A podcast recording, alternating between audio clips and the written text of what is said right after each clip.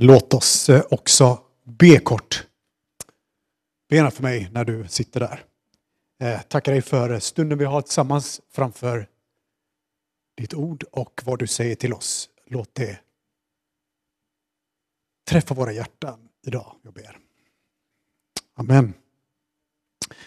Om du undrar vem jag är och inte har sett mig förr eller om du är första gången i kyrkan här så heter jag Pierre och är ledare här. För övrigt vad jag gör på dagarna är att jag jobbar för Credo, vilket är ju en eh, skol och universitetsorganisation, kristen. Och så jobbar jag för IFES, vilket är en global grej.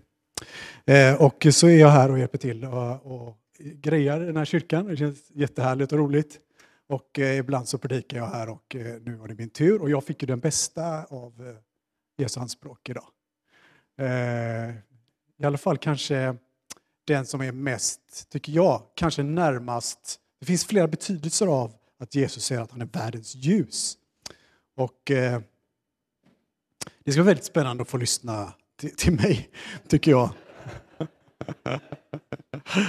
eh, det här är en uppmaningspredikan.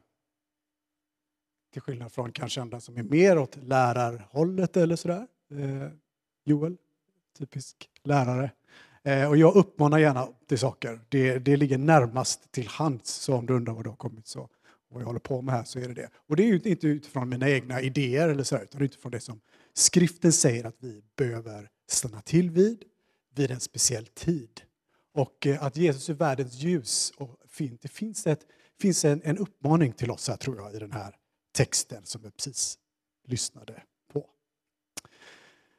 men du kanske frågar dig direkt här, eh, är det inte fler eh, som claimar att de är, är, är ljusgudar eh, eller liknande? Jo, det finns det faktiskt. Det finns bland annat solguden Ra som eh, fanns i Egypten, i egyptisk mytologi, som ansåg sig vara skaparen och så farao, faraoerna, faraoerna eh, var ljusets söner. Och det kan hända att Jesus det finns fler exempel i grekisk, grekisk eh, eh, romersk-grekisk filosofi. Men här ser vi att Jesus kanske gör någonting här och säger att alla de här andra som kallar sig att de är ljus, att de är världens ljus, att de är liksom Gud. Jag undrar om inte Jesus med den här liknelsen med ljus visar att det är han som är sann och de andra är inte sanna. Och låt oss i det här, när vi börjar den här texten, låt oss tänka lite som Johannes som skrev Johannes evangeliet. I Johannes prologen, alltså Johannes kapitel 1, så sammankopplar Johannes allt med skapelseberättelsen. Det fanns mörker och det fanns kaos innan ljuset kommer. Och vi läser om första Mosebok här har jag bara bytt ut Gud eh, mot eh, Jesus så du bara vet vad jag gör här. Så jag har ändrat en liten text, en liten del i texten här, bara för att vi ska fatta vad jag menar. Eh, då står det så här, eller står det så här det blir när man byter ut ordet Gud mot Jesus. Jorden var ännu tom och mörker var över djupet. Och Guds ande svävar över vattnet. Jesus sa orden, var det ljus och det blev ljus. Jesus såg att ljuset var gott och han skilde ljuset från mörkret. Jesus är alltså livets skapare, det är han själv. Han skapar det fysiska ljuset i skapelsen. Så jag vill starta här lite grann i Första Mosebok. Vi skapade att vara här i det ljuset som han ger oss. Och då är det ett fysiskt ljus. Så finns det också ett inre ljus som jag kommer till alldeles strax. Men det var mörker och Jesus talar ut orden var det ljus.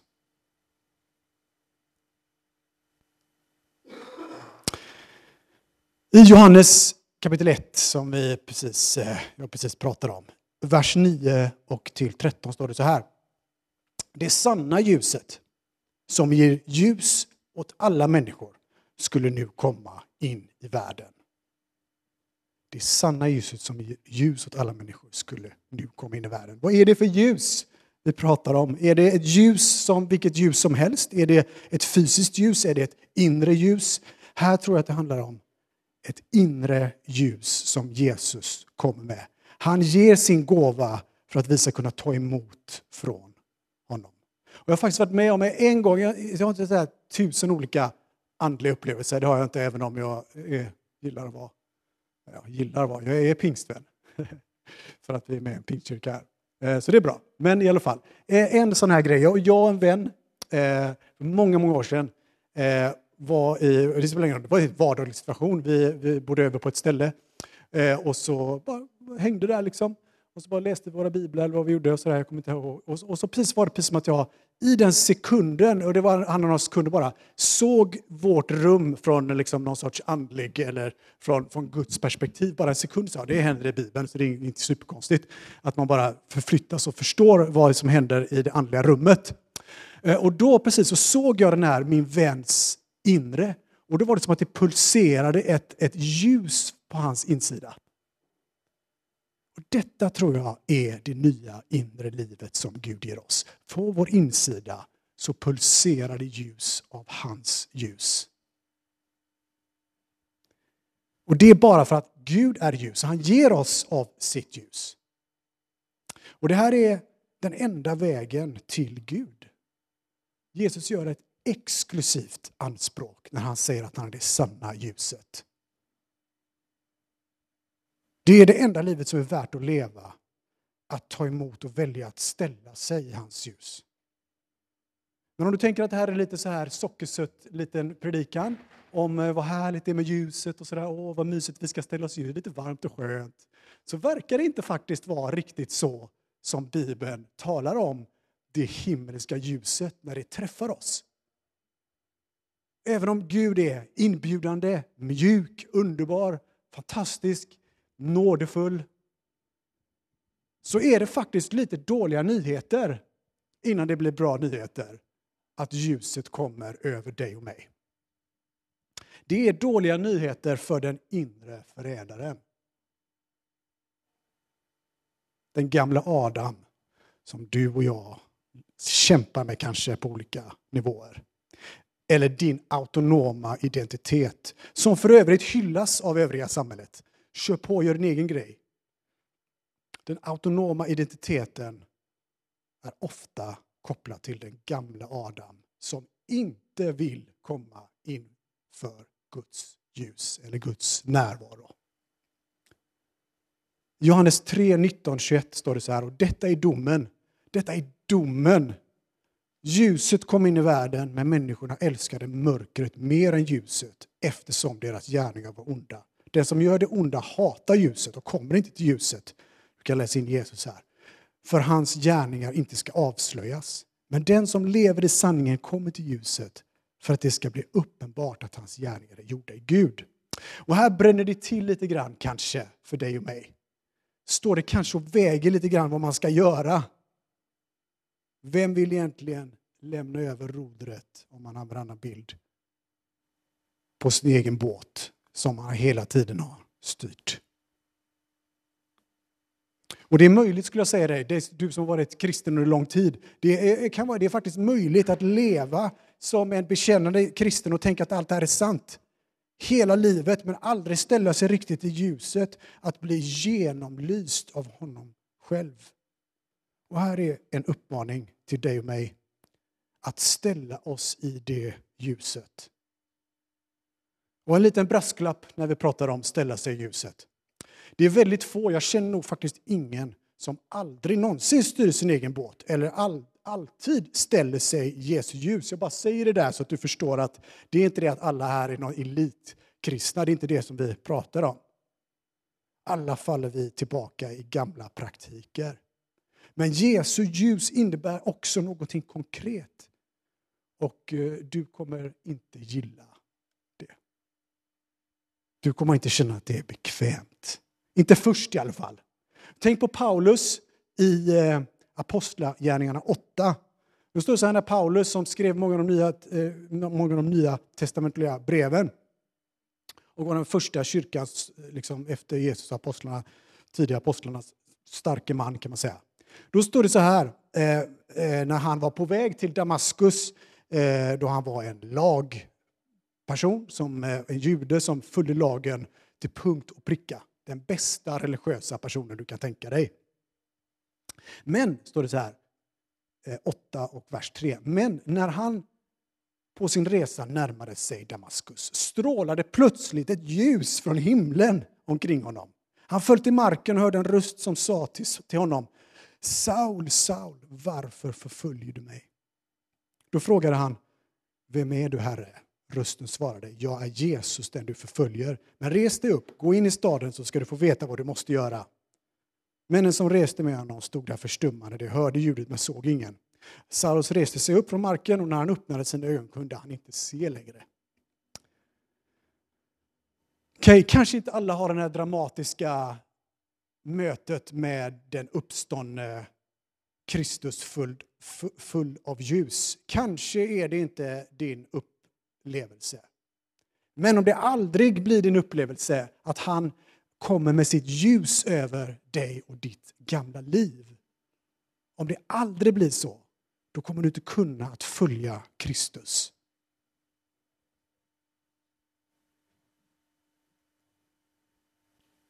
Jesus visar dig och mig att det gamla livet är omöjligt att fortsätta. Att det finns ett vägval, att det finns mörker och ljus. Det är lite obekvämt nästan att Bibeln säger så tydligt att det finns mörker. Kan man inte vara lite mittemellan? Kan man inte ha lite av varje? Kan man inte hänga lite grann i det där mellanläget? Jag skulle säga att det inte finns någonstans i Bibeln där det här mellanläget som vi ofta befinner oss i är något som överhuvudtaget fungerar ur en någon sorts liksom, biblisk perspektiv.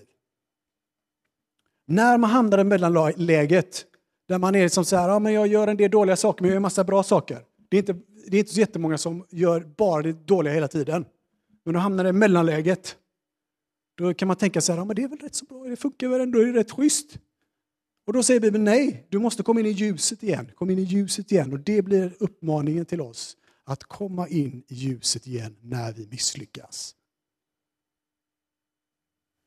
Jesus är ljuset. Jesus har ett syfte med det han gör med oss. Och ibland så gör det ont att lära oss att vi hade fel. Och den Jesu ljus avslöjar dina djupaste tankar och uppsåt. Ah, det är inte bara så här lite mysigt, lite, ljus, mö, äh, lite mysigt ljus. Så här. Det är inte riktigt så. Jag tror inte det. Jag tror att det är mer brännande än så. Och det måste få vara det. Det måste få vara det för att du ska kunna leva i det som Gud har tänkt att vi ska leva. Där vi inte längre följer den gamla Adams idéer utan följer den nya skapelsen som Gud ger när vi blir födda på nytt. Så Jesu ljus över dig avslöjar dina djupaste tankar och uppsåt och är en inbjudan att dö bort från dem. Om du vill, om du vill är tillägget. Jesus möter oss i slutet av oss själva. Du kan inte hjälpa dig själv genom att jobba lite extra på dina brister. Du kan inte hjälpa dig själv genom att tänka mer rätt. För det är värre med dig och mig än så. Du kan inte skaka av dig det där. Du kan inte be bort skiten.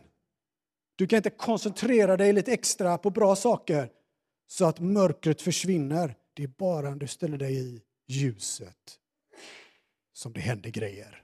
Synd, lyssna nu här. Synden äger dig tills han äger dig.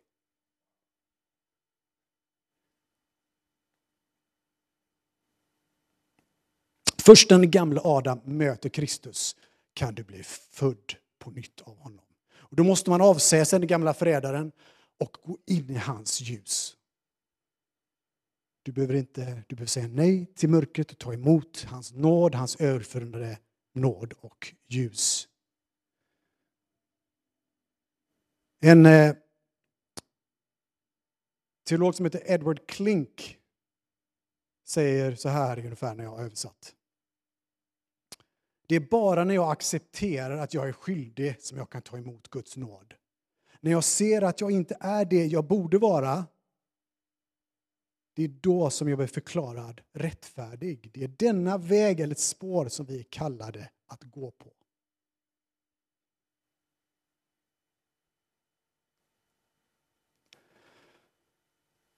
Nu är vi lite mer halvvägs i predikan. Och andra delen här som är kortare, den är så här. Hur går det här till? Hur ställer man sig i någon sorts ljus, om du nu vågar? Då skulle jag säga så här. När dina tillkortakommanden och mörker händer i vardagen, vilket det oftast gör. När du misslyckas, var ärlig då. När du säger sånt som du ångrar, var ärlig med ditt inre. Be Gud, här finns mörker i mig. Hjälp mig, för jag är en syndare som behöver ta emot nåd och förlåtelse.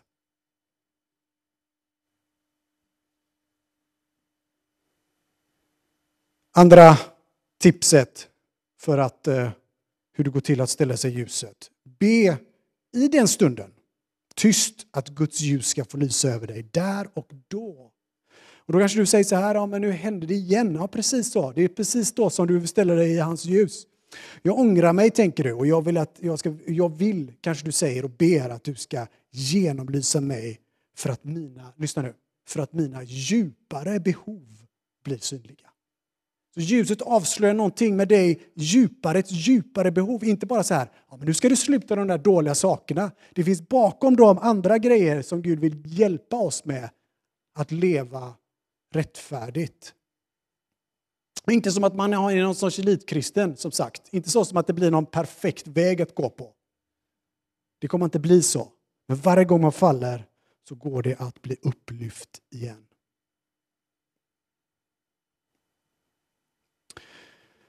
Så varje gång det händer, alltså är den andra, andra punkten på vad man ska göra. Varje gång det händer någonting som inte stämmer, fortsätt och be Gud i den stunden. Inte så här, ja, men jag samlar de där grejerna. Det kan man göra till söndag, det är jättebra. Vi behöver ha idag nattvard, ta emot förlåtelse. Men också i din vardag. Men kom ihåg här, Jesus Kristus är en god Gud, inbjudande en underbar räddare. För Jesus sa jag är världens ljus, den som följer mig ska inte vandra i mörkret utan ha livets ljus. Och ljuset lyser i mörkret och mörkret har inte övervunnit det. Jesus lyser i mörkret. Jag ska börja avsluta. Det finns mörker. Det är sant, precis som det finns ljus så finns det mörker. Men här är det inte fråga om yin och yang, lite grann vitt och svart på det sättet. Mörker är inte jämförbart med ljus. Mörker är som bekant avsaknaden av ljus. Och vi blir påminna om den här lagen när Jesus säger att han har övervunnit mörkret. Mörker i skapelsen finns inte ens. Inte från början. På natten lyste stjärnorna, och det gör det fortfarande. Påminner oss, det här är en rätt så viktig poäng, jag ska, om, du, om du har sovit hela vägen så kom ihåg den här grejen i alla fall. Solen är, när det verkar vara mörker, så är solen alltid där. När det verkar vara mörker så är solen alltid där. Solen är gömd halva dygnet, men den är ju alltid där. Kristus är kanske gömd för dig halva livet, men han är ju där ändå, runt hörnet. Det kommer alltid en gryning. Anar du att det kommer en gryning där du får se solen, sonen komma. Och Jesus är alltid närvarande. Han är alltid närvarande, inte bara det att, att han är borta på natten, vilket vi kan känna när vi kämpar med saker. Ska det kännas som att Jesus, var är du nu någonstans? Du känns som att jag är helt själv här.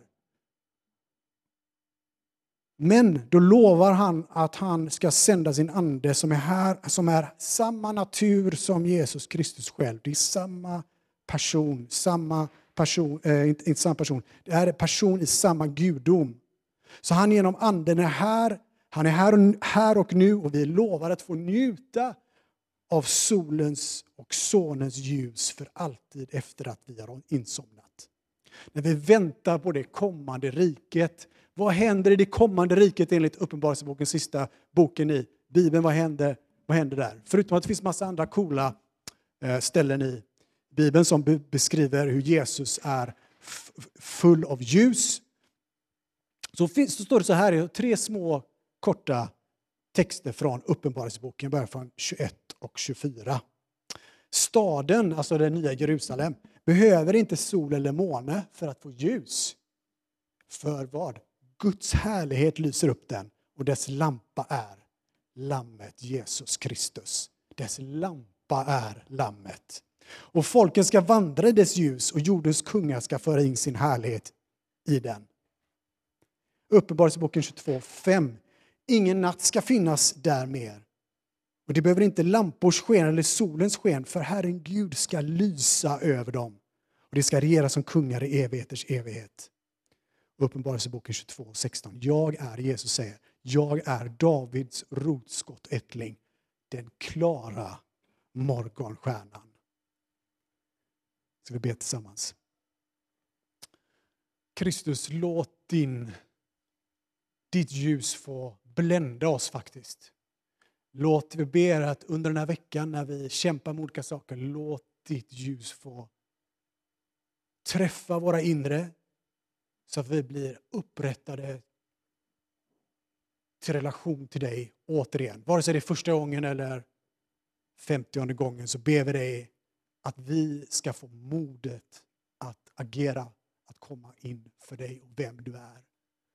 Tackar dig för att vi får en inbjudan i evangeliet att följa dig Kristus. Att lägga ner vårt gamla, våra gamla vägar och gå tillsammans med dig genom livet. Amen.